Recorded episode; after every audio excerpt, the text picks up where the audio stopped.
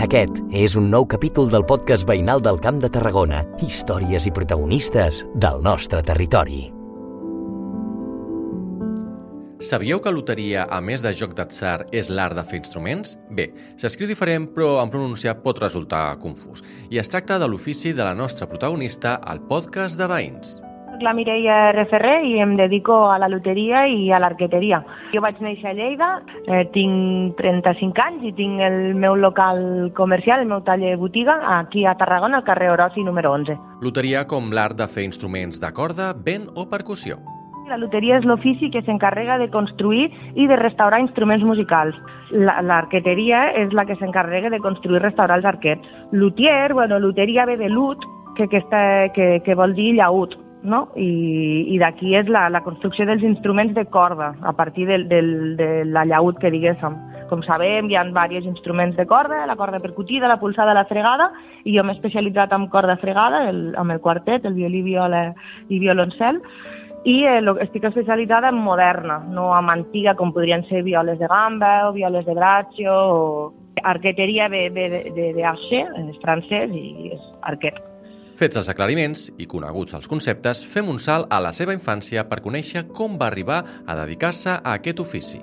Petita volia ser, de molt petita volia ser professora de pati, i perquè m'encantava el pati a l'escola i veia que els professors que estaven allí s'ho podien passar superbé i després una mica més grandeta volia ser arquitecta, doncs perquè sempre m'ha agradat molt la física i la construcció. Sí. Després dic que no he estudiat arquitectura i vaig, vaig estudiar educació social a, a la UDL, a la, a la Universitat de Lleida, eh, però bueno, de petita tocava violí al Conservatori Enric Granados i al, alhora també tallava fusta i feia escultura.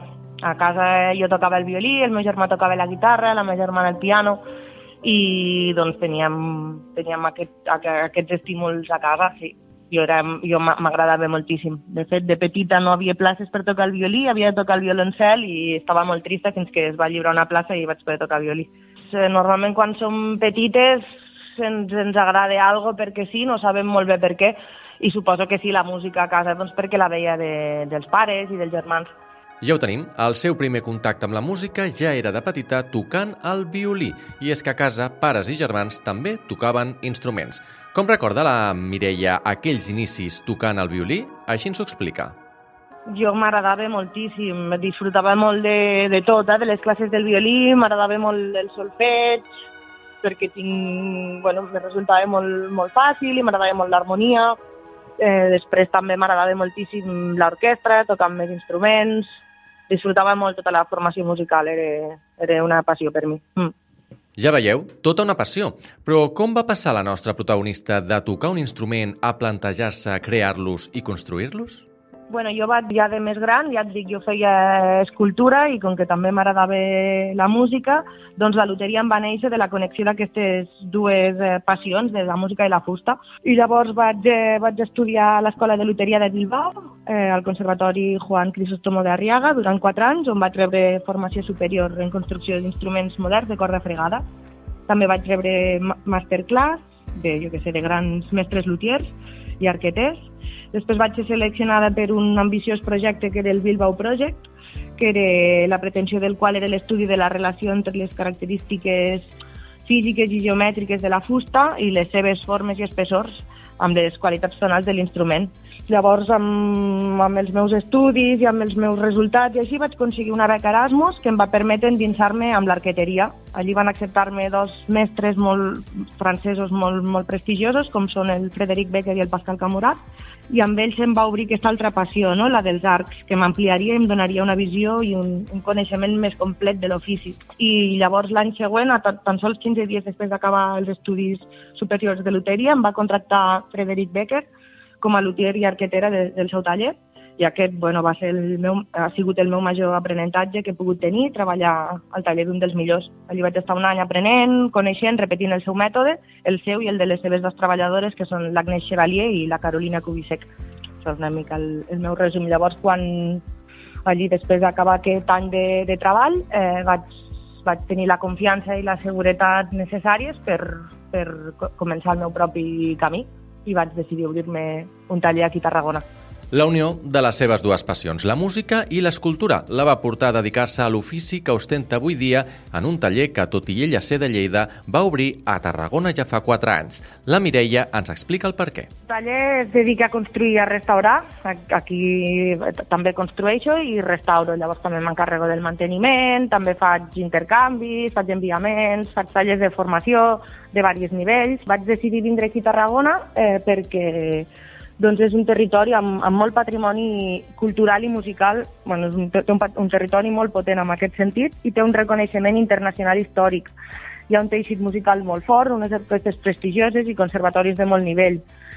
A part doncs, de totes aquestes característiques que afavoreixen que un negoci de loteria pugui avançar, eh, aquí a Tarragona no hi ha cap lutier ni arqueter de corda fregada, sóc l'única de la zona. Llavors va ser una mica un dels motius que em, que em van decidir vindre aquí i no a Lleida també portava molts anys fora de la meva terra, doncs això, estudiant i treballant, i vaig decidir vindre aquí al Mediterrani, que el clima és molt més, molt més bo que el que tenim a Lleida, amb la boira. El clima, però per ser un buit a Tarragona que la Mireia podia cobrir i arribar així a una clientela que necessita d'aquests serveis a la ciutat, convertint-la i posicionant-la com la única luthier a la zona. I això que l'ofici de construir instruments és artesà i ben antic. Sí, és un ofici molt antic. Bueno, tots els instruments tenen el, el seu recorregut i la seva evolució i com a, com a violí eh, en si doncs l'entenem a partir de 1600, podríem dir, i, i doncs és un ofici que es remunta a, a molts, molts anys, és un ofici artesanal i que avui en dia encara seguim construint completament a mà i que la, la tecnologia no pot arribar on arriben les nostres mans. L'artesania és, és això, no? és l'art de, de passar-te moltes hores amb, fent una peça. Molta gent no ho valora, però molt, molta gent sí que se n'adona que hi ha un gran treball darrere. Sí, però molt, molt, aquí a l'estat espanyol tenim una mica de desconeixement, no hi ha gaire inversió per, per part de l'estat no? amb la cultura i llavors doncs, moltíssima gent no coneix no, no, no coneix l'ofici. Molta gent em pregunta loteria, em diuen loteria i sempre està explicant la mateixa anècdota. Tot i ser un ofici antic, com deia, ja veieu que és força desconegut. La nostra protagonista ens explica una mica com és tot el procés que hi ha darrere d'aquesta àrdua tasca artesanal i que no es veu quan adquirim un instrument.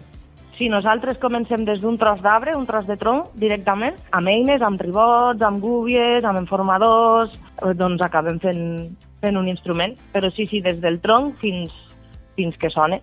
És un procés de és un, bueno, jo segueixo el meu mètode, eh, que cadascú té una mica el seu mètode, però doncs, des de, fem, fem tot, des de que comencem a ficar la gúbia, abans de, de ficar la gúbia a la fusta hi ha moltes hores de, de preparació, fem plànols per saber les, les formes que volem amb aquest instrument, hem de, parlar, hem de tindre una connexió molt important amb el músic per saber què és el que busca, entendre-ho i dissenyar-ho llavors.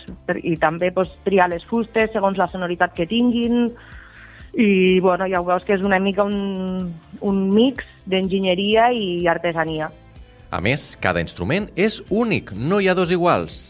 Els violins no són mai iguals, encara que siguin del mateix tronc, amb les mateixes formes, amb els mateixos espessors. Ara, quan et parlava abans del Bilbao Project, era una mica aquesta la idea que teníem i no, no, cada violí té la seva personalitat, però sí que les condicions físiques de la fusta, doncs la seva densitat, la velocitat de propagació del so, bueno, una sèrie de, de paràmetres físics, ens ajuden a, a saber el so que tindrà aquesta fusta primer escollim això, però també tenim molt en compte les bòvedes, els espessors, totes les formes que li donarem a l'instrument que ens diran el so que tindrà.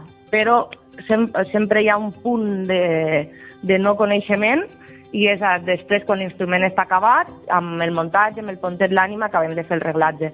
La Mireia s'omple de poder dir la satisfacció de la formació amb grans personalitats de la música i haver tingut a les seves mans instruments de gran valor. Sigut l'eina més, més important que he tingut per, per aprofunditzar i, i per veure com, com funcionen els tallers i perquè passessin per les, per les meves mans violins i arcs i violoncels i violes de, de molt valor, mm, tant històric com, com cultural com econòmic. Mm, vaig poder pues, veure moltes coses que, que no, no em pensava mai que pogués tocar. Per acabar, la Mireia fa balanç de la seva tasca i alguns propòsits de futur pendents.